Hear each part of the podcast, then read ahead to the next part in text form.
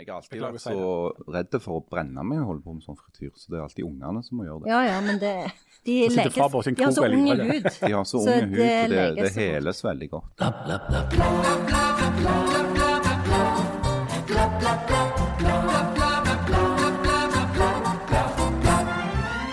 Nå må vi få koronaregler som passer de lokale forholdene, brølte vi. Og så fikk vi det, og nå brøler vi. Hva er dette her for noe tull? Vi skal òg takke av Trump på en verdig måte, og så skal vi si velkommen til han andre. Og vi skal bli med Harald Birkevold ut på galeien igjen. Skål!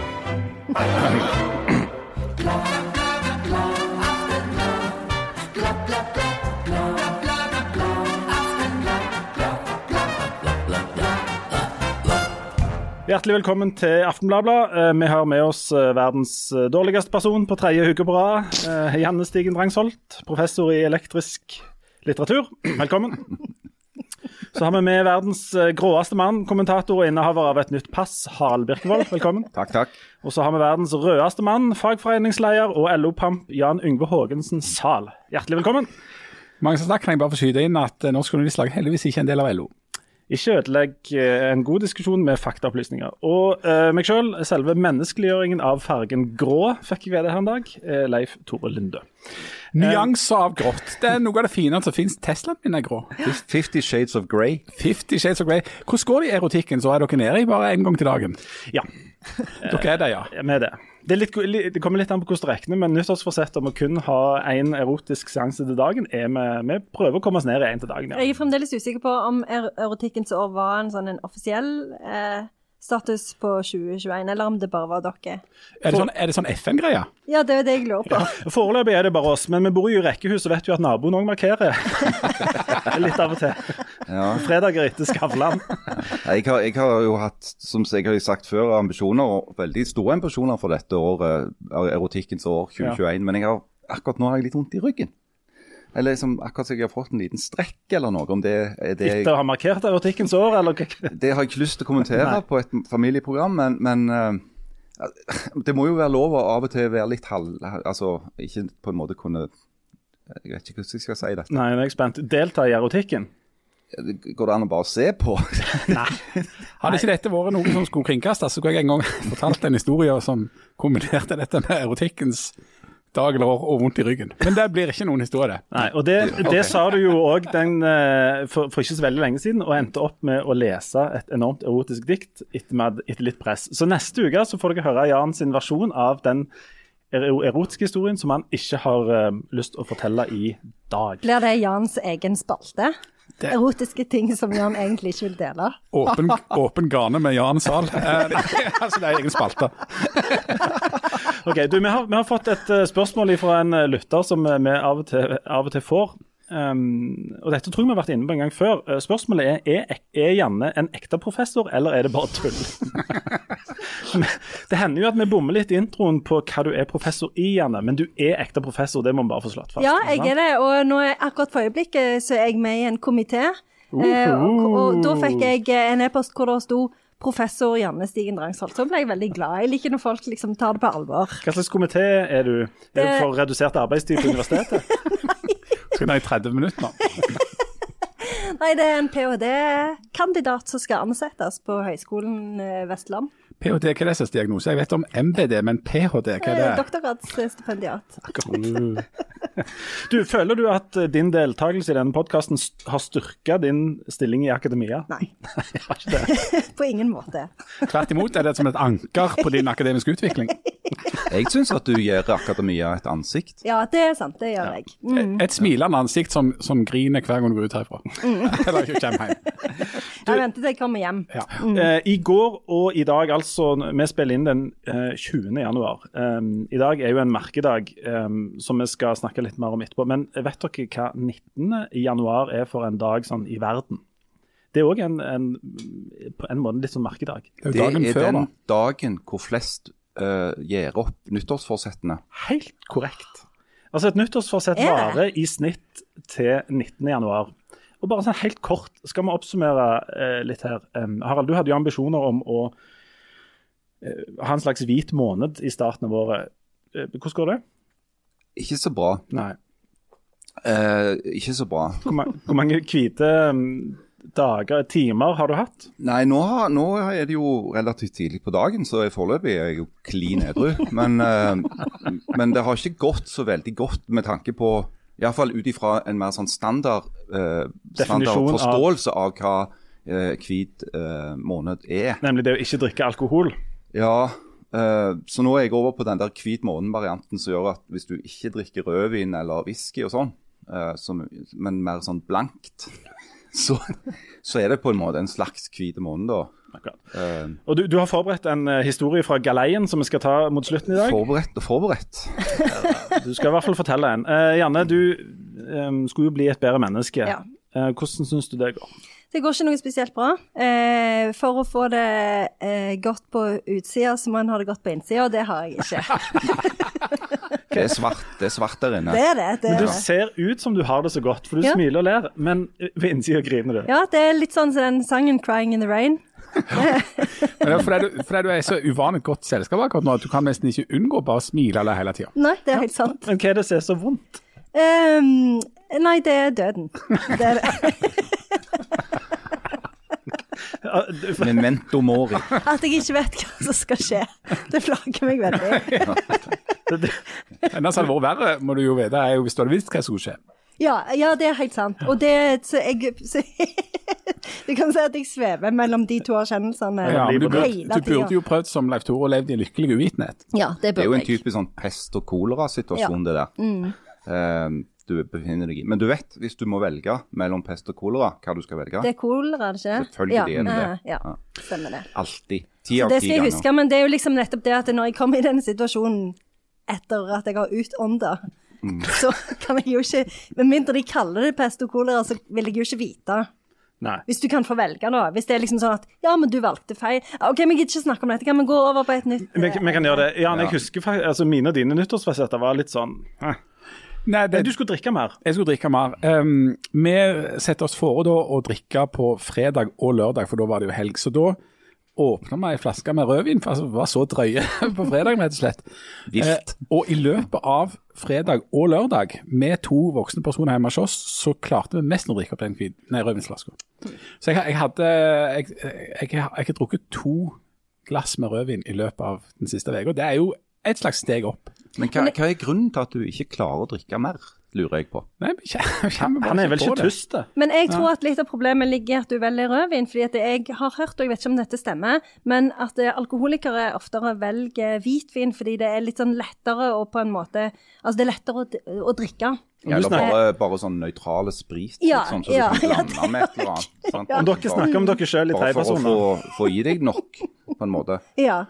Eh. Men, men, men, men, men også med hvitvin, for rødvin er jo litt sånn tyngre og, og, og sånn, så eh, hvitvin er Men jeg tenker det, det krever, altså, så Alle nyttårsforsetter krever jo et minimum av innsats. Mm. At du må Ja. ta deg litt i nakken. Ja, og, og vi gikk ned i kjelleren, tok opp denne flaska og åpna den, og, og skjenkte i. Det Men dere slags- har jo naboer Uh, som drikker en del, vet jeg. ja, men vi er jo ikke lov å være på besøk hos hverandre da. Nei, men kan, du- kan du ikke prøve altså, Kan ikke de komme og stå ut forbi for eksempel, og oppmuntre dere? Heia. og- Heia. og heia. Ja, men vet du hvor glatt og ufyselig det er ute nå? Det går ikke an å være ute, eh, og det går ikke an å være med hverandre. Det er jo ingenting som går an lenger. Jolle og Gnu kunne jo stått i vinduene sine og bare Ropt og skålt. ropt og skålt. Ja, vet du hva, Det hadde de sikkert bare blitt glad for. Ja, det tror jeg kommer ikke til å skje til helga. Og vi, vi vil oppfordre alle som bor eh, i nærheten av Jan på Storhaug, om å stille fredag litt utpå eh, og heie og heie. Og Det gjelder både eh, hans eh, nyttårsforsett om å drikke mer, og eventuell deltakelse i eh, erotikkåret 2021. At nabolaget til Jan kan tingene stille der opp kan jo egentlig kombineres. Jeg har hørt mange, hørt. og det skal vi Ja. komme tilbake til når du forteller om dine turer på galeien litt Ja, senere i dag. og du Leif Tore Linde, du hadde jo, din ambisjon for dette år var jo ikke å ha noen spesielle ambisjoner, at det ikke skulle skje noen ting spesielt. Hvordan, uh, hvordan går det? Det går, det går kjempegodt. Til nå i år har det ikke skjedd en puck. Absolutt ingenting. Det er fremdeles to og tre shades of grey. Det er. Og jeg har, eh, men det, jeg har gjort et, eh, et banebrytende valg, da. Det er at jeg har begynt å eh, gå i de nye uh, turskoene. Oh, ja. De som du fikk til Har du de de Ja, nå? jeg nå? har de på. Få se. Nei, dæven. Oi. Ekko, du. Dette er, Ja. Fifty Shades of Grey. det, dette, er jo, dette er jo vanskelig for folk å se, men eh, jeg har fått beskjed om at dette er ikke tursko, dette er skikkelige tursko. Er det en slags sånn grønnaktig farge på toppen? Jeg tror ikke det eller? er i en farge. Å Det er en slags kamuflasje. Jeg er litt tvilende til den sålen Ja. Akkurat. Uh, til turbruk. Men er, jeg er ikke glatt? Nei, han er så voldsomt glatt god. ut. Selv om det er, Det er nok ikke tursko. Men de, de er voldsomt gode. Jeg har begynt å gå, gå, de, gå de inn, og eh, det er vel det mest spennende som har skjedd i mitt liv uh, i, i år, Ja.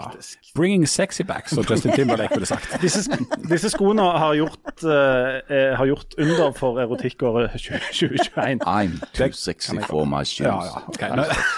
Men du, eh, i dag eh, er det da siste dagen til uh, Trump. Mange av de som hører på dette, vil nok høre på det senere, så han andre, hva nå heter igjen, What's His Face, er satt inn. Men um, Jan, du er jo nokså opptatt av dette med USA og hvem som er daglig leder der og sånn. Ja. Hvordan- Blir det noen markering hjemme hos deg? Ja, altså vi har faktisk vurdert å feire dette her. Eh, en unge, den mest kakeglade ungen, foreslo kake. Eh, så jeg driver med sånn askese for tida, så sa jeg at det var faktisk såpass drøyt i dag at vi muligens skal vurdere å ta ei julekake hver til å feire til dessert etter middagen i dag. Men jeg, men jeg heller faktisk mot å gå på Våland dampbakeri, der de har noen fantastiske berlinerboller mellom jul og påske. Det var reklamen. Og rett og slett kjøpe inn noen sånne boller. For dette, det er, dette er en dag å feire og markere, altså rett og slett. Hvis jeg, hvis jeg spoler tilbake til hvordan jeg hadde det for fire år siden, så kom jeg på det her en dag jeg var ute og, og gikk bak den andre hunden som var ute og skvetta og drog eh, langs en sti. Og Jeg husker jeg tenkte for fire år siden på mitt aller mørkeste at i løpet av de neste år så kommer det til å bli tredje verdenskrig, og så kommer vi til å dø. Så jeg så rett og slett ikke for meg at vi skulle komme hit eh, som er i dag. Eh, men det er vel en av de få positive tingene det går an å si om Donald Trump, at han starta jo ingen kriger. Han gjorde ikke det. Eh, den skal han ha. Den skal han ha. Men ellers hørte jeg en veldig god oppsummering av eh, hun heter Hilde Restad, som, som er uh, førsteamanuensis på noe som heter Bjerknes, jeg ikke helt forstår hva. Men, men hun så jeg på TV 2 her om dagen og, ble spurt om liksom, hvor står USA i dag. Og Da sa hun at det som er situasjonen i Washington akkurat på denne dagen under innsettelsen, det, det viser ganske godt hvor USA faktisk er i dag. Det er altså en, en, eh, en hovedstad som da er inntatt av massevis av soldater. Det er altså i dag flere soldater i Washington DC enn det er i Afghanistan, Irak og Syria. Det vil altså si at krigen på mange måter har flytta hjem. Altså Den er nå i USA. Det er altså et ekstremt splitta folk, så splitta at du må ha soldater inn for å, å, å holde en, en slags form for orden etter at det var et angrep på, på demokratiet. Eh, hun mente at dette var ikke overraskende, for det er dette eh, Donald Trump har predikt helt fra første eh, dag av. Han sa jo allerede eh, før han ble valgt til president at han bare kom til å akseptere valgresultatet hvis han vant. Det han holdt fast med helt fram til nå. Eh, så, eh, og Samtidig så er det altså passerte det denne uka 400 000 døde av korona. Det er da flere døde enn det var døde soldater USA, fra USA gjennom hele andre verdenskrig. Der har dødd flere hver dag enn der har dødd eller enn det døde på 9-11. Eh, Her om dagen på den nye rekorden, da døde det flere på én dag enn det gjorde på hele Pearl Harbor, hvis du snakker om på en måte symbolske tidspunkt eh, for USA. Og Da har du altså en president som ikke forholder seg til det, som ikke har forholdt seg til korona eller brutt seg med å gjøre noe med det i jeg vet ikke på hvor lenge. Sånn at, eh, eh, Og du har da en økonomi i, fritt fall og enorme problem der. Så der står du på den dagen Donald Trump går av. I tillegg til at USA da har abdisert som en leder i verden for liberale verdier som menneskerettigheter og demokrati. Eh, men Vi begynner vår eh, lille kortsvarrunde rundt i verden med eh, USA og Trump. Um, Hva kommer dere til å huske best fra Donald Trumps nokså interessante periode som eh, leder for sambandsstatene, Harald? Eh, akkurat i dag så er det jo veldig lett å si stormingen av Capitol den 6. januar. Eh, men det er jo fordi at det er friskest i minnet. Men jeg tror nok at når en ser tilbake på Trumps presidentperiode, så, ble, så er det det øyeblikket hvor på en måte masken faller, og du ser eh, hvem du har med å gjøre. En president som står eh, en snau kilometer fra Capitol foran en menneskemengde bestående av eh, ekstremister. og oppfordrer de til å storme eh, Kongressen. Eh, da har på en måte Da er det bare de som ikke av en eller annen grunn er i stand til å se eller erkjenne hvem Donald Trump er og hva han står for, som, som ikke ser ser det. Han står der på en måte naken i all sin gru. Janne, hva kommer du til å huske fra Trump om eh, ti år? Eh, jeg vet ikke, men jeg tenker kanskje litt eh, eh det som skjedde ganske tidlig i presidentperioden, at, eh, kom, at de publiserte dette her eh, lydopptaket hvor han snakker om liksom, kvinner at 'grab them by the pussy' som jo ble, førte til sånn, massedemonstrasjoner eh, rundt om i USA, men som egentlig ikke fikk noen konsekvenser for han. Eh, og det, for meg så, så, så, så, var det liksom første gang jeg skjønte at det, oi, dette, dette blir alvorlig. altså det, det, Han kan gjøre nesten hva han vil, eh, og det kommer ikke til å føre til noen eh, ting. Ja, Jeg lurer på om jeg skal si den første pressekonferansen etter at han ble innsatt, der det ble en diskusjon om hvor mange som hadde vært og sett på dette, der um, altså pressetalsmannen hans, Sean Spicer, sa at det aldri noensinne hadde vært så mange til stede på en mm. presidentinnsettelse noensinne. Selv om alle bilder og alle tellinger og absolutt alt sa det motsatte. At det var f.eks. langt flere på Barack Obama eh, sin innsettelse. Og du da ble introdusert for det forholdet til virkeligheten, der du altså driter i virkeligheten, men innfører løgn som en metode, og innførte såkalt, såkalt alternative fakta. Altså når konfrontert med at ja, men eh, fakta sier jo at eh, det er ikke sånn, og du bare sier men da har vi alternative fakta. Det, det, det, da viste han at han ikke kom til å bli såkalt presidential, altså at han kom til å endre stil i det øyeblikket han ble innsatt som president, og han, og han innførte en helt sånn surrealistisk måte å forholde seg til virkeligheten på. Du da, Linde, kommer du til å huske noe? Um, ja, jeg tror jeg kommer til å huske mye mye rart. Det som ligger lengst framme i hodet nå, det var at i går så, så jeg en um, Twitter-post fra en av de som har sittet og fakt, altså sjekka faktaene i, i, de uttalelsene Trump har kommet med, og samla dette. Folk som har holdt på med dette på fulltid i fire år. Eh, og jeg klikka meg inn på er det Washington Post eller New York Times eller noe sånt som har holdt fylle med dette her sånn kontinuerlig. Og Der du altså kunne scrolle deg gjennom alle uttalelsene og faktasjekkene av det. Og det er så uendelig store mengder med ren løgn at det, ja, det, og, og, så, og, da kom jeg òg på hvor enormt mye som han har gjort og sagt um, som hadde vært en skandale for absolutt alle andre, men han har alltid klart å toppe det med noe nytt. Det er New York Times. New York Times, ja. Og Jeg anbefaler folk å gå inn og, og, og se på det. Det ja. er så absurd at du nesten ikke tror det er sant. Og Da er vi altså, da er vi også ved en slags situasjon da fire år etterpå, jf. det som du har altså om at ja, liksom, når folk ser den stormingen av, av, Capital, da skal du ha et veldig rart syn på verden for ikke å se at det der skjedde et eller annet fundamentalt spinngalt. Det som jo er ekstremt skummelt på denne dagen, som er Donald Trumps siste dag og Joe Bidens første dag, det er jo at dette problemet på ingen måte går vekk. Eh, det er meningsmålinger eh, fra den siste uka, eh, altså etter denne stormingen av Capital, etter at eh, det har blitt satt i gang en ny riksrettssak, etter at eh, det er liksom bevegelse der Um, og der til og med Trump har kritisert denne storminga, så er det altså sånn at det var 74 millioner amerikanere som stemte på Trump. Sant? De har sett hva denne mannen har, har, gjort for noen fire år, og konklusjonen deres til 74 millioner, flere enn noen noensinne har stemt på en president, bortsett fra Joe Biden. De stemte, tenkte at dette vil vi ha mer av, han her stemmer vi på. Av de som er republikanske velgere, så mener fremdeles 70% av de at valget er rigga, og at Donald Trump egentlig vant. Etter storminga av Capitol så er det fremdeles sånn 40% av amerikanerne som, av republikanerne som, som mener at, at at vi utviser en slags forståelse for dette, og som, som, ser at ja, det er ikke rart at dette skjedde.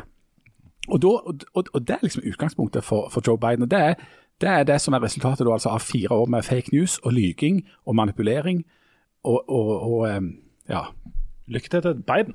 Ja, jeg bare har lyst til å si da at siden så mange stemte på Trump, uh, så blir jo det den viktigste oppgaven kanskje uh, som Biden har, i alle fall innenriks, er å prøve å, å begynne å reparere uh, den skaden. Uh, og det er åpenbart for meg i alle fall at dette er jo ikke noe som oppsto med Trump. Uh, Trump oppsto ikke i et vakuum. Han oppsto i en situasjon hvor USA er et land prega av veldig store problemer. Uh, en galopperende økonomisk ulikhet.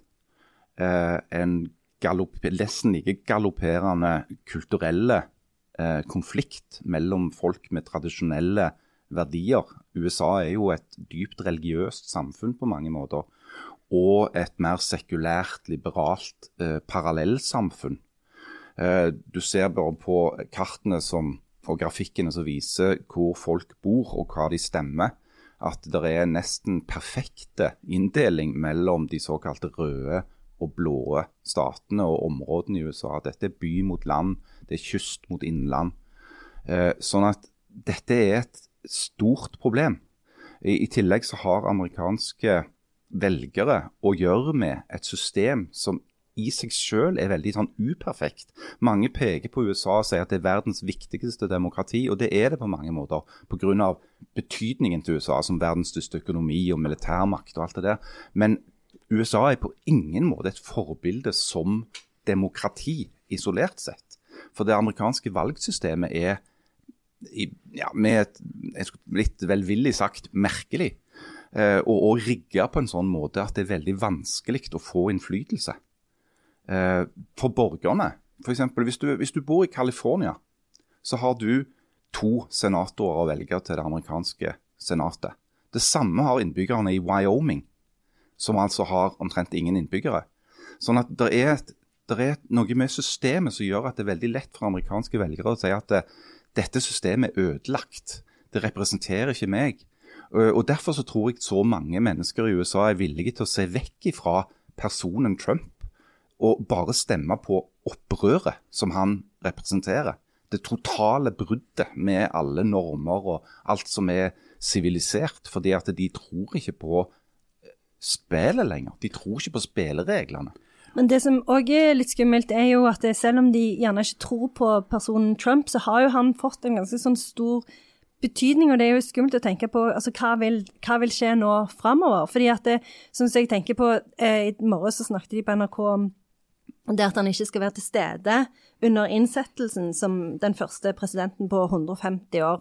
Eh, og så snakket de om at ja, ja, han er jo så dårlig taper. Og, men, men, det er jo én ting. Eh, eh, men den andre tingen er jo at det, det, med innsettelsen er jo et utrolig viktig ritual. Og når han ikke er til stede, så er jo ikke det fordi at han er en dårlig taper. Det er jo en villa handling. Det er jo en symbolsk handling eh, som, som, som på en måte Ja, hvor han understreker at jeg godtar ikke dette valgresultatet, selv om jeg har lagt en video hvor jeg for så vidt gratulerer eh, Biden med seieren. og der i den videoen så sier han jo at dette er begynnelsen på altså Dette er ikke slutten, dette er jo begynnelsen på noe nytt. og Selv om det på en måte han eh, nyter godt av disse her strømningene og den misnøyen og desperasjonen som en finner i det amerikanske samfunnet, så har jo han blitt et emblem for det òg, som jo ikke lover noe godt for verken resten av året eller de neste årene. det. Det minner meg jo, minner meg jo til, det, til dels om, selv om vi skal være forsiktige med å sette sånne likhetstrekk mellom trumpismen og, og fascismen,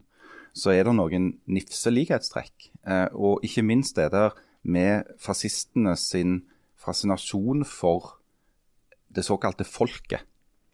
Eh, og sin insistering på at de representerer folket. Eh, hvis en ser på f.eks. framveksten av, av nazipartiet i Tyskland eller fascistbevegelsen i Italia, eh, så ser du veldig klart at det er jo egentlig en elitebevegelse ja, som, som, som, representerer en form for elite som de bare Men de, de påstår at de er eh, representanter for folket. Eh, og Det samme har du med en del av de som flokker seg rundt Trump. Ikke disse kjernetroppene hans, men de folka på toppen som ser at her har de en mulighet. Fordi Trump er så lite interessert i praktisk politikk at de kan bruke han til forskjellige ting. Og Det er jo det interessante framover nå. Vi skal gå inn for landing om, om Trump og det, men hva skjer med det republikanske partiet framover nå? Og hva skjer på en måte med de andre republikanske toppene? Det er jo sånn at, de, at eh, folk har jo in, i enorme grad trodd på Trump. Trump har jo vært garantisten for å levere stemmer og valgseier til republikanerne.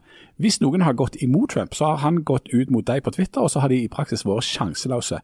Det er jo en ekstremt kynisk vurdering som har blitt gjort av toppene i det republikanske partiet, enten de sitter i Senatet eller i Representantenes hus, der de har ikke gått imot han, fordi at det betyr eh, at de mister den karrieren sin. Og så har de brukt dette flertallet for å gjøre en masse eh, lovgivning som handler om å senke skattene til de rike og eh, få innsatt masse eh, konservative dommere på livstid. Um, og så er det da altså en kynisme og en opportunisme. Når du har snakket om spillet, så er jo den, dette noe av det spillet som republikanerne framfor alt har drevet på med. Nå så du altså, du altså på, på, den siste dagen der Trump var president, så gikk altså Mitch McConnell, som er, har vært leder av senatet, republikansk, altså den mektigste republikaneren utenom presidenten. På den siste dagen til Trump så går han ut og sier at folk har blitt servert løgner, og at de har latt seg oppildne av denne presidenten, og snur seg altså da plutselig imot Trump. Det er da noe og, og, og, og strakte på et vis ut en slags hånd til den andre sida, til demokratene, og signaliserte en slags samarbeidsvilje. Og Det er på et vis kan jeg si at det er rosverdig, og det, det lover litt bedre. Men den samme Mitch McConnell han sier dette altså på, dag, på den siste dagen Donald Trump sitter i presidentstolen. Hvorfor sa han ikke det dagen etter valget? at Trump tapte valget. Hvorfor gikk han ikke mot Trump tidligere? Sammen med alle disse bedriftene og alle disse som nå plutselig vender eh, Trump ryggen det er ikke noe heltemodig over det. Hvis de hadde virkelig ment noe med det, så hadde de gjort det for lenge siden. Dette er rene opportunisme, rene kynisme, en ren analyse av spillet. Så lurer Men, folk på hvor politikerforakt kommer fra. Ja, det lurer, kan jeg lure på. Ja. Det er jo ikke så vanskelig til å forstå det. Jeg må òg rose dere for å kunne få veldig korte spørsmål Nei, veldig korte svar på, på, på, på dette. Jeg syns det er forbilledlig. Hvorfor tok korte... du opp amerikansk politikk i kortsvaret? Nei, altså må jo bare kunne, må jo kunne gå an og svare ja, litt, eller nei, eller et eller annet. Ja, okay, vi, vi, skal, vi, skal, vi skal skjerpe oss. Vi får noen nye forsøk da på, ja. på å svare. Altså, hvor mange, hvor mange svar? Nei, nå, det, det, neste kortspørsmålet er hva er meningen med livet? Ja.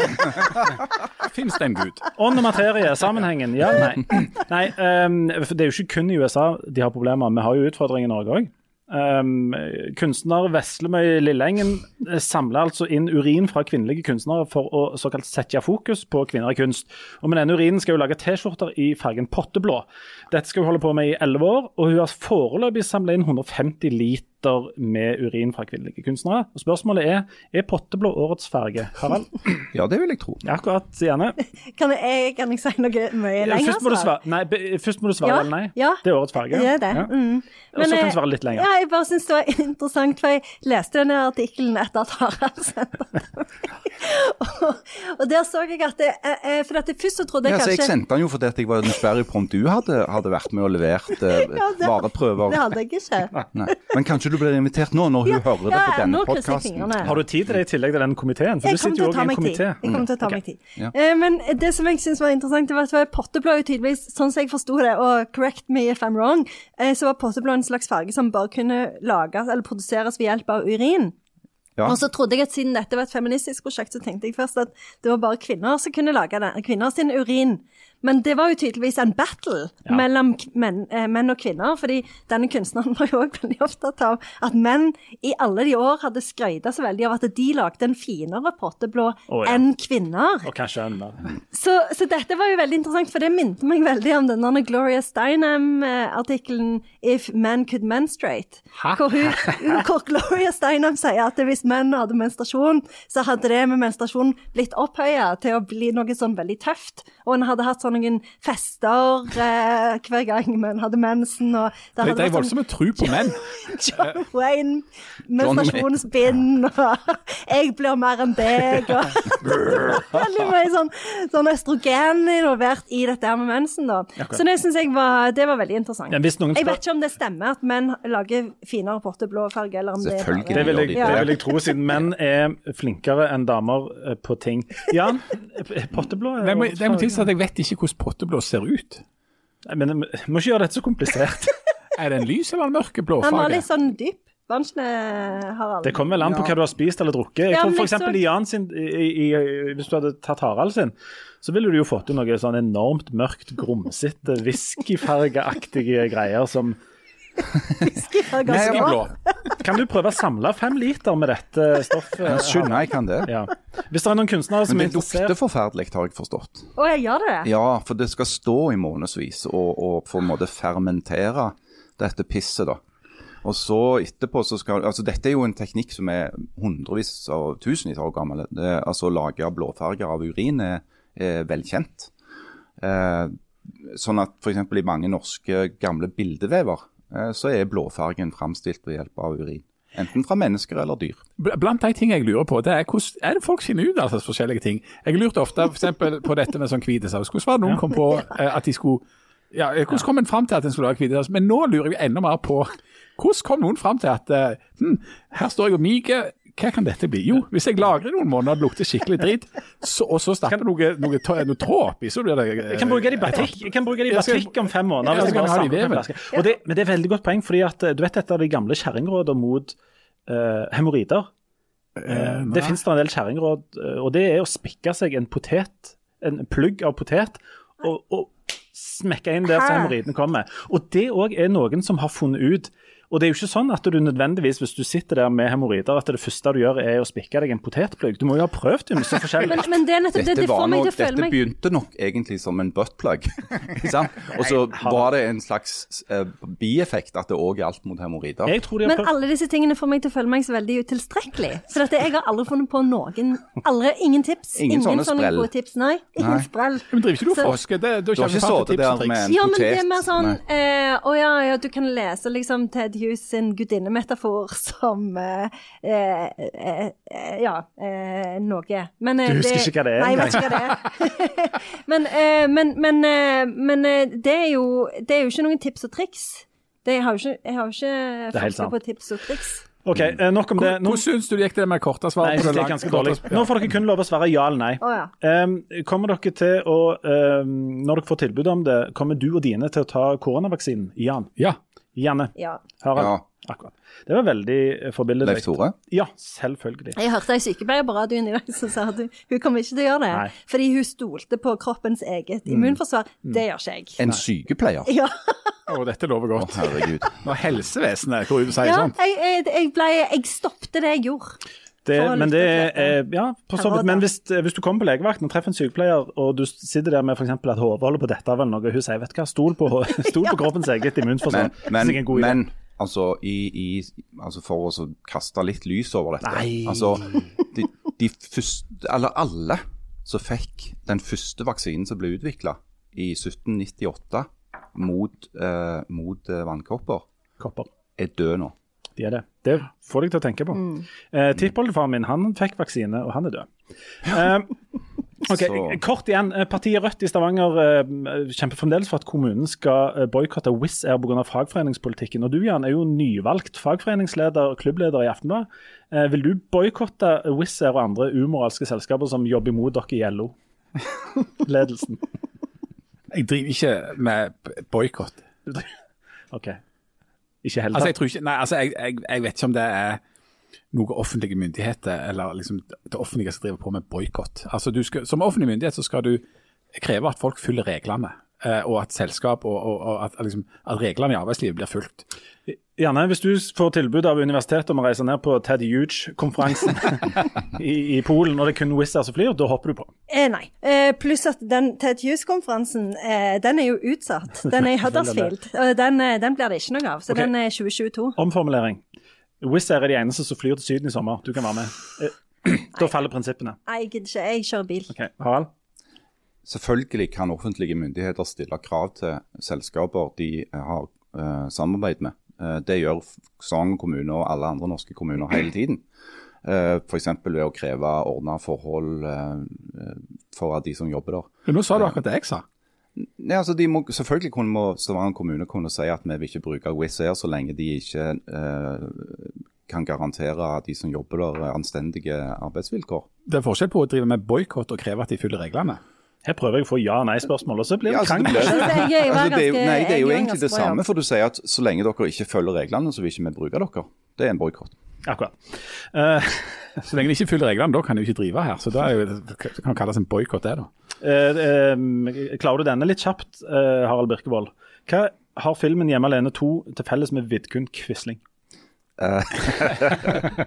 Dette har jeg skrevet om. Nemlig. Ja, men det går ikke an å svare kort på det. Jo, nå okay. har du Du får ett minutt. Jeg skal ta tida. Klar, okay.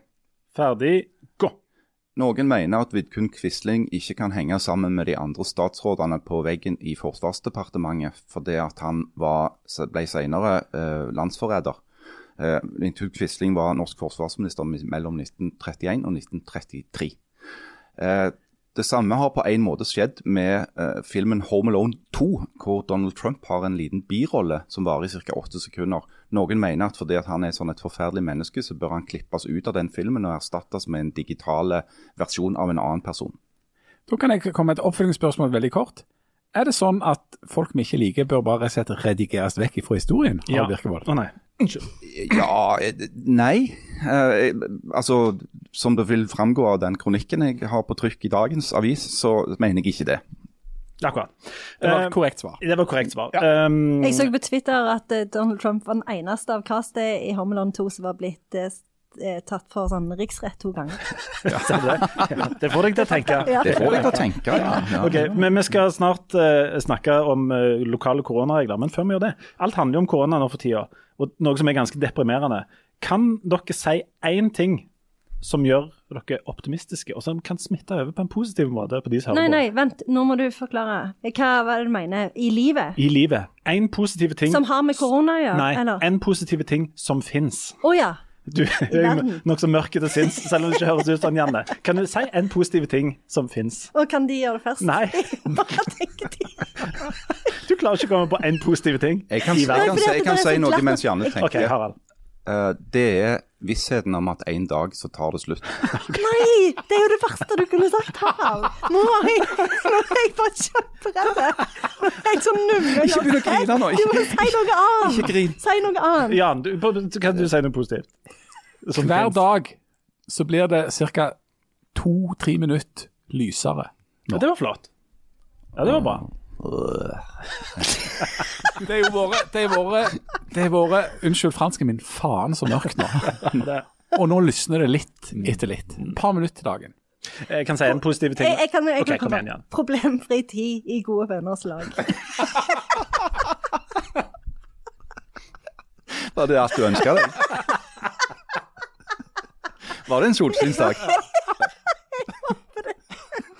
Ok. Du, Ja, din, må si noe nytt, for at det må viskes ut. Nei, nei, Nei, nei, nei. nei, Du må, du må stå for det du sa, sånn som Trond-Viggo Torgersen. Jeg, jeg vil si en veldig positiv ting at det var så sinnssykt glatt når jeg kjørte ned her i dag. Det var helt sykt glatt. Jeg kom nesten i Ja, ut av innkjørselen. så. Og så kom jeg, så jeg oppover bakken. Vi har en bakke med en litt sånn krapp sving i. Akkurat når jeg kom opp bakken der, så kom det en katt springende ut. Kjørte du over den? Og den katten sklei på en ganske dramatisk måte. Han klarte ikke å holde seg i beina. Og jeg sant, prøvde å hive meg ut i kanten for å treffe katten. Ja. Og så traff jeg ikke. Så det er noen av naboene som fremdeles har katt. Det syns jeg er flott. Det er positivt. Ja, ikke om det er positivt. Men eh, OK, okay. det er greit. Det er greit. Vi skal snart snakke mer om eh, lokale koronaregler. Eh, vi er straks tilbake. Hjertelig velkommen til Aftenbladet igjen i del to. Nå skal vi snakke om altså noe av det mest kompliserte som finnes i vår tid. Og det er ikke eh, sammenhengen mellom eh, ånd og materie eller noe sånt. Det er heller ikke dialekten til Jon Arne Riise i Farmen kjendis, som vi kunne snakket lenge om. Og det kunne vi snakket Vi kunne brukt egne sendinger bare på det. Ja. Og det er mulig at vi skal komme tilbake til det. på et Han tidspunkt. røyk ut. Han røyk ut. Ja. Spoiler alert. Mm. På etterskudd. Men eh, vi- skal snakke om eh, koronaregler. Denne uka eh, har jo dette endt opp i et salig kaos. Nå har vi ropt lenge på at koronareglene må tilpasses lokale forhold, og så fikk vi det sånn som vi vel ville. Så er det jo et salig kaos. Um, Jeg har jo hele tiden ropt på en sterk mann. du har det? Ja. På deg sjøl, eller? Ja, jeg, jeg har jo planer. Ja. Er det Bent, Bent Høie, det? Eh, sterk mann? Ja. Nja Det er jo han som har skåret gjennom og bestemt noe. Ja, altså det er jo det som, som skjer nå. Det er at uh, f.eks. her i Stavanger, eh, eller på Nord-Jæren rettere sagt, for det dreier seg ikke bare om Stavanger kommune, så, så var det jo sånn at ja, det hadde vært fint med noen nasjonale regler, for det at det er så vanskelig. Og Så kommer det nasjonale regler, og så blir det òg feil. For det, at det blir uenighet om forskjellige detaljer i disse nasjonale reglene. Så sier da sier plutselig Stortinget, for det at vi har da et storting som kan bestemme regjeringen nå, for de har ikke flertall i Stortinget, at nei, nå endrer vi reglene. Og så sier de da i Stavanger og på Nord-Jæren at nei, det blir, det blir veldig vanskelig for det at vi fire kommuner er vanskelig å bli enige oss imellom om f.eks. skjenkereglene. Kan jo se det for meg nå. At uh, nå, nå, er det opp til alle. Og så sitter Borgli og Virak og konspirerer der nede i Sandnes. Sånn som de gjør. Jan, det er sånn som de gjør. Ja, ja. Og så sier de at hvis vi nå åpner banken, åpner banken og Madame Aase, så får de masse sånn, sånn drikketurister fra Stavanger hvor det fortsatt er stengt. Og så tenker jeg Tom Henning Sletthei der han sitter og kokkelurer ute i eh, kommunehuset på Sola, det nybygde ja, kanskje vi òg skulle prøve oss på en liten frekkas ikke sant? og se at her er det happy hour hele helgen. Så har du det gående da. ikke sant? Da er det sånne folk som meg og andre som drikker en del. De drar liksom hvileløst rundt på Nord-Jæren på jakt etter liksom, de mest liberale eh, skjenkereglene. Du er villig til å drive interkommunal drikking? ja, så Det er jo det det kan føre til. Altså, det kan føre til interkommunal drikking ikke sant? Og, og sånne superspreder-events der folk flokker seg rundt disse her vannhullene som er åpne. Men Jan, er det ikke nettopp dette her vi vil ha, da? Altså Koronaregler som er tilpassa smitten der vi bor. Ikke at alle må følge på en måte Oslo-regler, da. Ja, Vi var jo mest glad i akkurat det når det var veldig lav smitte, eller når det ikke var smitte. Da vil vi iallfall ha lokale regler. Og det, og det kravet og det, det, ønsket forstår jeg veldig godt. Altså, Jeg forstår veldig godt at i kommuner og områder av landet der det ikke finnes smitte, så syns de det er absurd at de må forholde seg til det som veldig lenge var eh, utstrakt smitte i visse bydeler i Oslo sentrum. Altså, i, Tromsø så har de knapt hatt smitte, og de eh, vil forståelig nok ha lokale tilpasninger. Det samme ville vi jo her i Stavanger. Eh, for det at lenge var det jo sånn at Stavanger var en plass der det knapt fantes smitte. Og så skjedde jammen det, gitt. At plutselig så røyk vi opp, og, og plutselig var si, på topp i Norge da, i, i smitte. Eh, og der er vi jo i, i en slags avslutningsfase av det nå. Eh, da. Men men jeg ser absolutt poenget med, med lokale tilpasninger og litt sånn lokal logikk oppi dette. For det er altså stor del av Norge der det nesten ikke finnes noen form for smitte. og Da er det veldig rart at ungene ikke skal kunne gå på skolen, og at du ikke skal kunne gå ut og ta deg eh, et glass, for de som liker å ta seg sånne glass. da. Um, men det som jo er problemet, er at det fort blir mye forvirring. og nå er det nå er det mye forvirring, og det er ekstremt vanskelig å manøvrere både for den ene og den andre bransjen. Uh, F.eks. Eh, serveringsbransjen. da, sant? Eh, jeg har jo da ei kone som synger. Britt Synnøve Johansen heter hun. Hun synger fint, hun, syns jeg. Eh, hun prøver å manøvrere i kulturbransjen, som er en annen bransje som er veldig komplisert ennå. Der har jo beskjeden fra Abid Raja da vært at en skal prøve altså en, han vil ha aktivitet, og derfor så har stimulerings, eller altså Derfor har kompensasjonsordningene fra staten vår at istedenfor å kompensere for at ting blir avlyst, som på en måte stimulerer til avlysning, så vil de stimulere til aktivitet. Det uh, førte f.eks. til at det ble gjennomført en masse julekonserter før jul. sant? Det er bedre å ha aktivitet for noen få, at faktisk, folk faktisk jobber og får betalt for det, enn en ikke det. Og så um, hun kona mi hun skal da ha for nå konsert på lørdag i Stavanger konserthus, som jo er i tråd med for så vidt det med å holde oppe aktiviteten. Men så var det jo sånn at Stavanger kommune innførte jo da noen regler i, rett før nyttår, der de i praksis stengte ned voldsomt her. Det skulle være til den 18. Um, ehm, denne konserten skal være den 23., sant? så da er det fem dager igjen. Så kommer regjeringa med noen regler som i praksis stenger ned kulturlivet. Det gjelder til den 22. Konserten skal være 23. Hva regler gjelder den 23., det vet du ikke. Så denne uka, altså den samme uka som konserten skal være, eller to konserter som er solgt ut, altså 400 billetter, da, så kommer det nye regler om at du kan ikke ha Altså regjeringa sier at du kan ha 200 gjester på et kulturarrangement hvis det er fastmonterte seter, som det faktisk da er i konserthuset. Men det skal være for den samme kommunen. Sånn at du snakker om på en måte å reise over kommunegrenser for å drive på med uh, skjenking og sånn kan reise til Sola eller Sandnes for det, men det, du, det, er liksom anbefalingen at du ikke gjør når det gjelder kulturarrangement. Og så er det de stavangerske reglene at det bare er lov med 20 inne på et arrangement. Altså, jeg er forvirra nå. Ja, du er forvirra. Og så er det en anbefaling om du skal liksom du, uh, uh, du skal, skal, du avvise, skal du gjennomføre, skal du, skal du dytte på disse arrangementene? Men det går ikke an å dytte på sånne arrangement. For det at eh, kulturlivet planlegger månedsvis og årevis framover. Altså det, det, det er nesten umulig å manøvrere i det. Og så er det sånn at du, Janne, som bor i Sandnes, du har ikke lov å gå på denne konserten som kan bli, for det er i en annen kommune. Du har lov, men du har lov å ha besøk av inntil Fem. fem. Og så kan dere trene inne Mm, ja litt, grann, og så Ja. kan, dere, kan dere muligens eh, Harald, du kan gjerne reise til Sandnes og drikke. Jeg er så glad for at jeg sa nei til å bli ordfører i Stavanger. Du gjorde det. Og Janne sa nei til å bli ordfører i Sandnes. Er ikke Men- du òg det? jeg er helt enig. men, men, det det, var fristende der og da, ja, ja, men det hadde vært kjekt, men, Men- Men eh, ikke nå. vi er glad vi ikke men er det ikke en statlig regel nå, eller det er statlig, jeg vet ikke om det er påbud eller, eller eh, bud eller hva det er for noe, at du kan ha for så vidt besøk, men ikke av mer enn fem personer. Men i Stavanger så er det vel at du ikke skal ha besøk. Ja. ja. Men det er en anbefaling. Men, har Men det er en anbefaling. Men barn kan ha besøk av andre barn hvis de er i sin egen kohort, men gjelder det i Stavanger? Ja. Men det må være en fastmonterte kohort, da. Ja, Men en klasse er jo en kohort. Sånn at ja, i hvert fall deler av en klasse er en kohort. ja, Kan sønnen din ha besøk av Det er jo det, noen? ja, og det er jo dette som er, er poenget, er at uh, når vi får for mange regelsett og for mange, for mange kokker, så selv om reglene for så vidt finnes og er mulige å oppdatere seg på, så er det ekstremt vanskelig å manøvrere dette. Ja, det er kjempevanskelig. ja, for så- det- ja. Eh, For eksempel, ene, når, når regjeringen kom med, med sine anbefalinger, så var det jo sånn at det, eh, i, samme, i samme regel så sto det at alle forelesninger på høyskoler og universitet skulle være digitale, men at de anbefalte at folk møtes fysisk en gang i uka. Så da sier du jo to forskjellige ting i samme regel. Men det som jeg syns er mest problematisk, er jo det der med at når du får disse lokale reglene, så blir det jo med en gang, som du sier, at det blir veldig sånn stort press da, på de lokale myndighetene. For de har jo ikke lyst til å være eh, ansvarlige for å liksom gjøre at eh, hele restaurantbransjen og alle barene i byen går konkurs. Og det syns jeg er dumt. Eh, og jeg synes, eh, sånn som når Bent Høie sier at ok, nå fikk opposisjonen det sånn som de ville, og oppheve dette skjenkeforbudet, men det kan føre til at, eh, at f.eks. Eh, altså fritidsarrangement for barn eh, blir utsatt lenger, at barn ikke kan trene og sånne ting. Og så da var det jo ei fra opposisjonen som sa at han burde slappe av litt.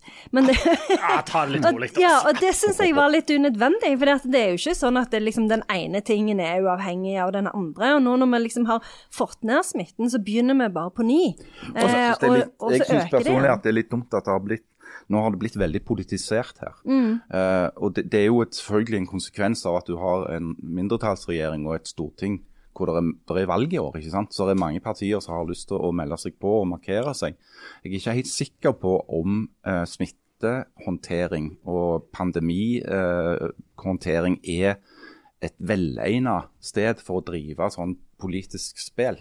Og så lurer jeg på, sånn økonomisk kompensasjonsmessig, jeg har lest den der forskriften fra Stavanger. Der er et av de siste punktene at de tar ikke noe økonomisk ansvar for konsekvensene av disse strenge reglene.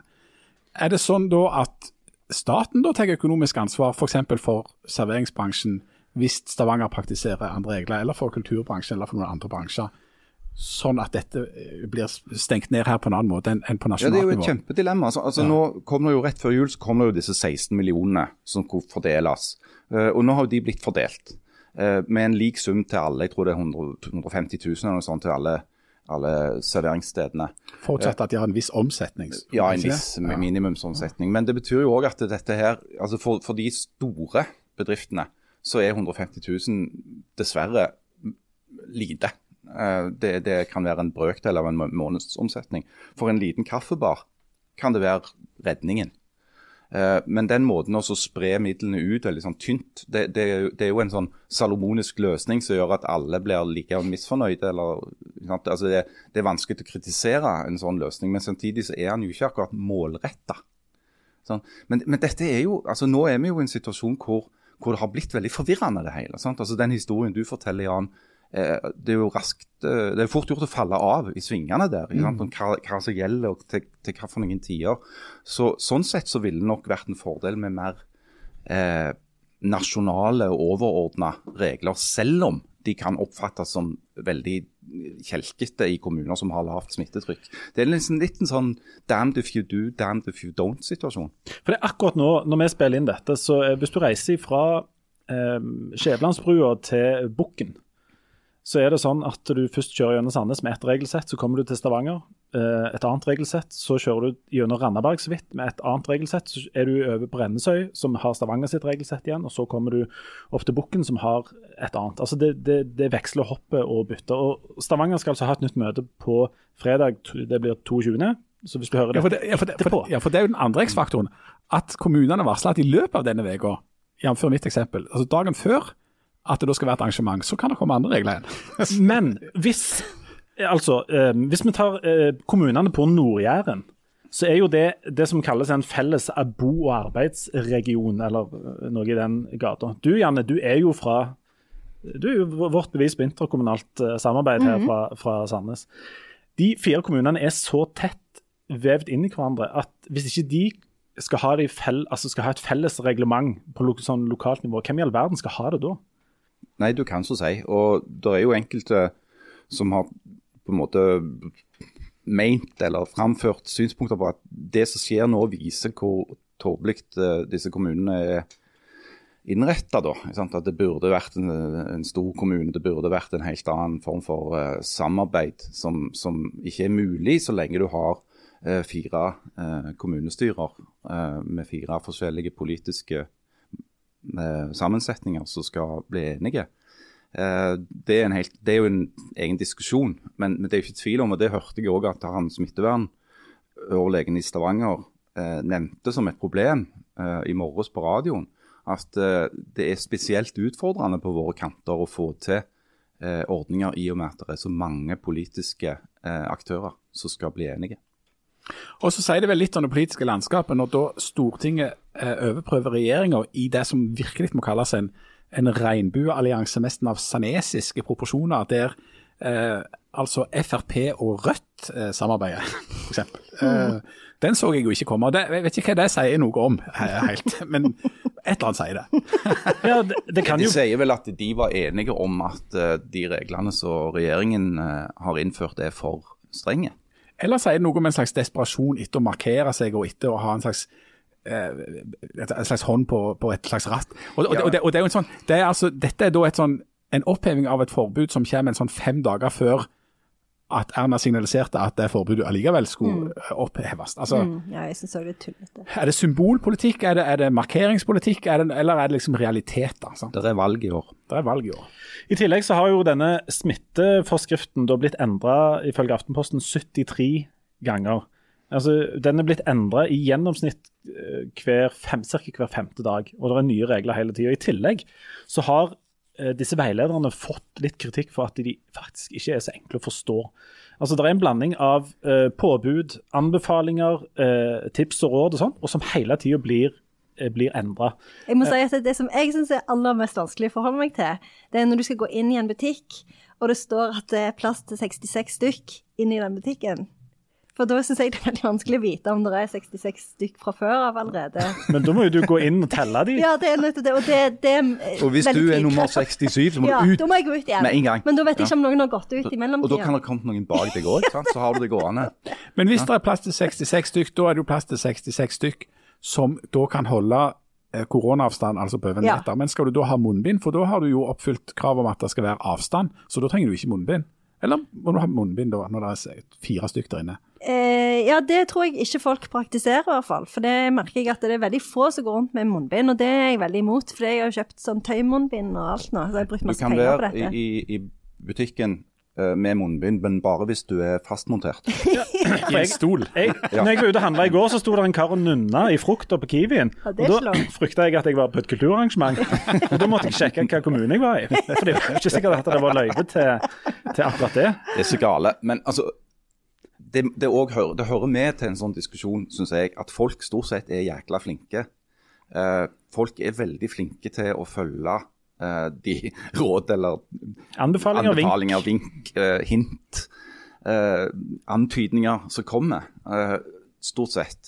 vi var vel alle som har fulgt med på dette her, klar over at jula- og nyttårshelgen ville medføre en god del smittespredning fordi at det ble åpna litt forsiktig opp for at folk skulle kunne feire jul. Uh, og nå på en måte høster vi jo eh, konsekvensene av det med et høyere smittetall. Nå er det på vei ned igjen, sånn at dette kan gå. Ja, for Ikke for å liksom framstå som et sånn lyst sinn eller en sånn optimist på, av noe slag, men, men det må vi jo si at òg er da en positiv ting at det viser seg at tiltakene virker. Ja. Altså Når det kommer beskjed fra høyeste hold at nå er det stopp i, i sosialtreffene og ro dere ned, så ser vi det etterpå på grafene et par uker etterpå at tallene går ned. Og vi snakket tidligere, eller Dere fikk tidligere spørsmål om dere kunne si noe positivt. og En av de tingene som virkelig er positivt oppi dette, her, det er jo at når eh, myndighetspersoner som Bent Høie og Erna og, eller ordføreren i Stavanger eller hvem det er, på en måte kommer med en anbefaling om å ikke ha besøk, så tar folk faktisk imot den. altså. Han blir brutt av og til, men i det store og det hele så ser folk at vet du hva, dette er lurt, dette gjør vi. Og så får vi det faktisk til. Og når du ser de koronatallene som finnes i andre land, så Nå ble, nå ble det mørkt igjen. Ja, Jeg men jeg, jeg tenker jo at dette òg viser at folk er ikke så glad i å ha besøk så, så, så de liksom mange tror. Altså Hvis du får en, en påskudd til å la være å ha tante Erna innom, så, så griper du det jo med begge hender. Ja, du gjør jo det. Jeg har brukt den for alt den er verdt, jeg. Skulle gjerne gjort det, men jeg eh, har ikke lov. Det går dessverre ikke. Bent Høie og Folkehelseinstituttet. Ja. Stemmer det, Så det, det, det går ikke. OK. Um, det eneste som er sikkert, er at vi kommer til, uansett hvem som bestemmer disse koronareglene, lokalt eller nasjonalt, så kommer vi til å klage og mene at de andre burde ha bestemt dette. Vi skal gå inn for landing, og da har vi eh, Vi har eh, få programposter igjen, men vi har jo altså lovt folket at vi skal avslutte med Harald Birkevolds eh, fortellinger fra galeien. Skal vi ikke anbefale noe? Jo, men- er det bare Harald sin Nei, fyllehistorie? Det er sant, vi skal, vi skal anbefale noe. Hvis det kan være kort og fundig og interessant på en infotainment-aktig måte. jo, Janne, du skal få lov å Jeg anbefale. har, jeg har grudd meg til dette her, eh, for jeg, jeg, jeg frykter at jeg har satt i gang noe jeg ikke eh, overskuer konsekvensene av helt. Men da kan du få lov å grue deg mens Janne kommer med en eh, hot anbefaling fra et eller annet. Jeg hadde tenkt å anbefale denne tidligere, fordi at jeg leste denne boka i juleferien. Oh, men så har jeg liksom ikke fått tid. Eh, men det som jeg anbefaler, er Karl Ove Knøsgaards bok 'Morgenstjernen'. Eh, for den leste jeg i jul, og jeg var veldig sånn skeptisk, eh, fordi høsten var jo ganske tung, og alle sa at den boka var så mørk og deprimerende bare fordi den handler om dommedag. Men det var den jo ikke. Den er jo det fineste Altså, Knausgård er jo den største forfatteren Norge har avla i verdenshistorien. Eh, og han eh, eh, skriver om eh, mørke ting på en sånn måte som gir meg et sånn veldig håp. Eh, og hvis han hadde starta en sånn en menighet, i, sånn som Kanye West har gjort, så hadde jeg vært den første til å melde meg på. Så den anbefaler jeg til alle. Jeg vil gjerne anbefale skrei. Nå er Lofotfisk i gang. Skreien er kommet i butikkene. Jeg nekter Lofot-torsk. Lag skrei. Altså, det er fantastisk. For jeg er født i Men Torbjørn Egner har jo òg en egen sang om skreifiske, Ja. så kan du høre på den. Ja. Mens du Ja. Her er 10 000, 12 000 kasser med skrei. Det er noe sånn. Hei, hei, hei, hei. Det blir middag til flere enn meg. Tjo, Hei, hei. Ja, men, sant? Men, men dette er en av de fremste delikatessene som er fra Norge. Han fins kun i et par måneder. Det er nå. Så folk må lage skrei. Men ikke, ikke spis den der levra, det er ikke godt. Det er bare tull. Bare skrei og rogn, ikke lever. Jeg kan kjede rogn, jeg er faktisk eh, allergisk mot rogn. Rogn og kiwihår og våt bambus. Og elefant. Alle som er, er allergiske mot kiwi, er òg allergiske mot Hæ? elefant. Å, sier du det? Ja. Er det så mye C-vitamin i elefant? Voldsomt med C-vitamin. Når sist du spiste elefant? Ja, det begynner å bli en stund siden nå, så jeg har vært veldig forsiktig med dette. Jeg slutta å spise kiwi. Nei, det er håret på elefanten. Men det er håret på kiwien. Det er det jeg er allergisk mot. Det er det jeg reagerer på. Og håret på elefanten. Og sier du det, ja? Ja. Jeg skal, dette skal jeg bære i- minne neste gang jeg møter en elefant. Men skal dere anbefale noe? Ja, hvis for eksempel har vi jo pleid å få gratisbilletter på sirkus som ansatte i Stavanger Aftenblad. Ja. Det ville jeg vært litt forsiktig med hvis jeg var deg. Ja. Jeg får satse på at de ikke kan reise rundt lenger. Hvordan føler du dette går, Leif Tor Jo, Linde? det går veldig bra. Jeg prøver å avslutte. Jeg har prøvd en halvtime. Jeg vil anbefale dere å få dere et skikkelig par gode tursko fra Ekko. Kjempegodt, veldig fleksible sko. jeg har gode tursko fra før. Ok, Harald, skal du anbefale noe, eller skal vi hoppe rett på galeien?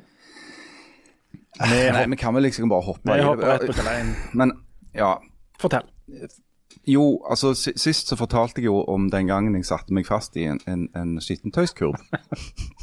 uh, og den historien slutter ikke der. uh, fordi at greia var at, som dere kanskje husker som faste lyttere, da, det at jeg uh, falt av en eller annen grunn bakover og, og satte meg fast i en skittentøyskurv, en sånn store uh, av, av sånn, en form for sånn flettverk eh, med eh, som var ikke særlig mye klær i, og, men det var plass til meg, da. På en sånn måte at jeg satte meg helt fast med rumpa først, og ikke kom ut igjen. Eh, og så fant jeg på at jeg skulle prøve å komme meg ut av denne situasjonen. For jeg prøvde først å rope etter hjelp, men de spilte så høy musikk i stua at ingen hørte meg. Så skulle jeg liksom rugge meg sjøl fri. Og da falt eh, da jeg og skittentøyskurven over venner, så slo jeg hodet i eh, toalettskålen på en sånn måte at jeg besvimte. Eh, og historien fortsetter da med at jeg ble funnet da i forkommen tilstand, eh, sittende fast eh, og hjulpet ut eh, av denne situasjonen. Eh, og det neste jeg husker, da, det er at jeg våkner hjemme i min egen seng. Eh, forferdelig, forferdelig dårlige. Eh, for det at det vi hadde gjort nemlig på dette her evenementet, det var å drikke hurtigvinen til en kompis. Takk skal du ha, Gugg. Eh, hurtigrødvin som han hadde satt, og den tror jeg ikke var helt ferdig gjæra. Eh, så den fortsatte på en måte arbeidet sitt inni meg. Så når jeg våkna, så hadde jeg en, en helt eh, avsindig bakrus. eh, og fant ut at det eneste som nå eh, gjelder, det er å komme meg raskest mulig opp til nærbutikken og kjøpe en cola. Så gikk jeg opp i nærbutikken som da heter Nubben matsenter i Bergen. Og på Nubben matsenter, dette var en, en, en eh, kolonialforretning av den gamle skolen. Hvor du kom inn, jeg vet ikke om dere har vært i en sånn gammel kolonialforretning. Det er en lukt der. En sånn lukt som det er i sånne mat, gamle matbutikker. Så når jeg kom inn, så ble jeg forferdelig, forferdelig kvalmen. Men jeg, da sto jeg rett ved siden av kjøleskapet hvor det var cola. Men da kjente jeg at jeg måtte kaste opp. Så jeg tok colaen i hånda og så sprang jeg mot utgangsdøren i butikken. Reiv opp døren og, og kasta opp ut, rett ut døra. Og det som da skjedde, var at jeg traff en Eller oppkastet mitt traff en liten hvit puddel som sto rett ut forbi. Uh, og i og med at jeg hadde drukket denne eh, rødvinen til Guggen, så ble den puddelen delvis ildrød. Eh, og, på, og på dette tidspunktet så var jeg eh, like lang som jeg er nå, men jeg veide sånn ca. 40 kg mindre. Jeg var iført eh, det samme jeg har på meg nå, egentlig. Svart jeans, eh, svarte skjorte og en lang, svart frakk. Og så hadde jeg langt, svart hår. Og dette var på begynnelsen av 90-tallet. Eh, så det som da skjedde, at jeg sto der og tørkte tårene og så på denne hunden, som så på meg.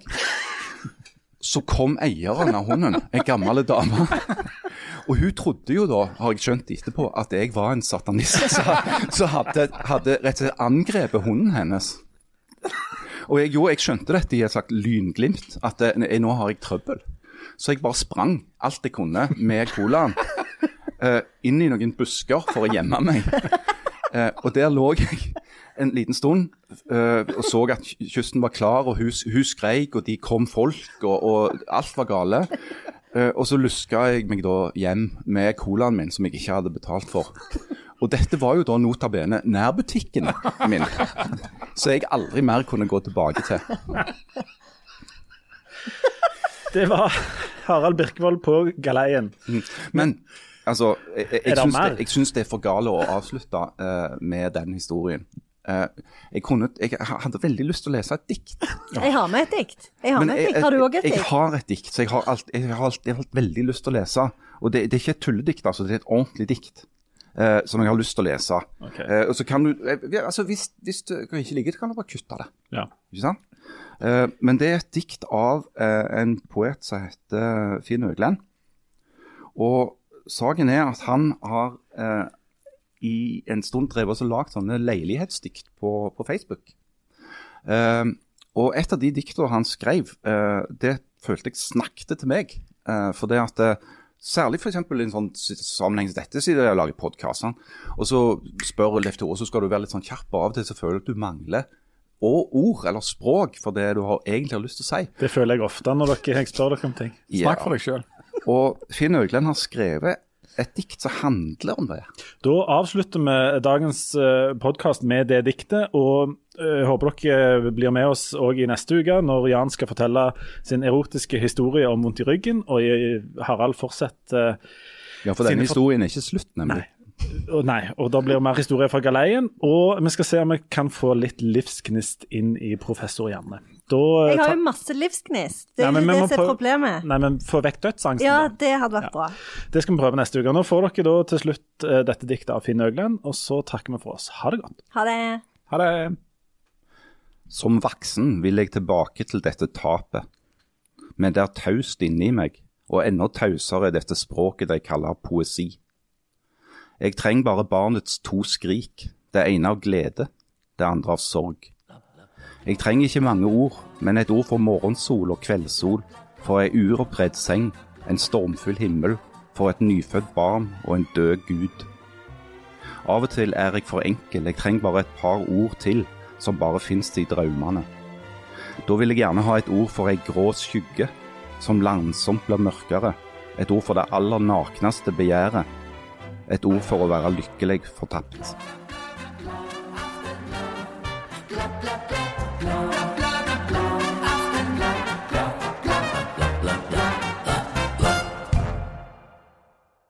Er det det som jeg er faktisk, altså I dag morges så gratulerte vi hverandre med dagen rundt bordet hjemme omtrent. altså. Eh, eh, og, og, jeg, og, og, jeg, og, så var det sånn en eller annen unge som sa vi burde ha kake i dag. Det er kanskje han som er mest glad i kake. Og så sa jeg jeg tror pinnen vi skal strekke oss så langt at vi har ei julekakerest til dessert. Dere lever, så dere lever de mest puritanske livene jeg vet om. Jeg skjønner ikke ja. at det går an. Dere, sånn, I dag skal vi synge en sang uh, sammen. Statussymboler altså Tesla og jævla dyrt kjøkkenutstyr. Derfor er de nødt til å være litt puritanske på andre områder. Men dere har berlinerboller liksom Daglig? Ja. hun, hun, Karen var hos uh,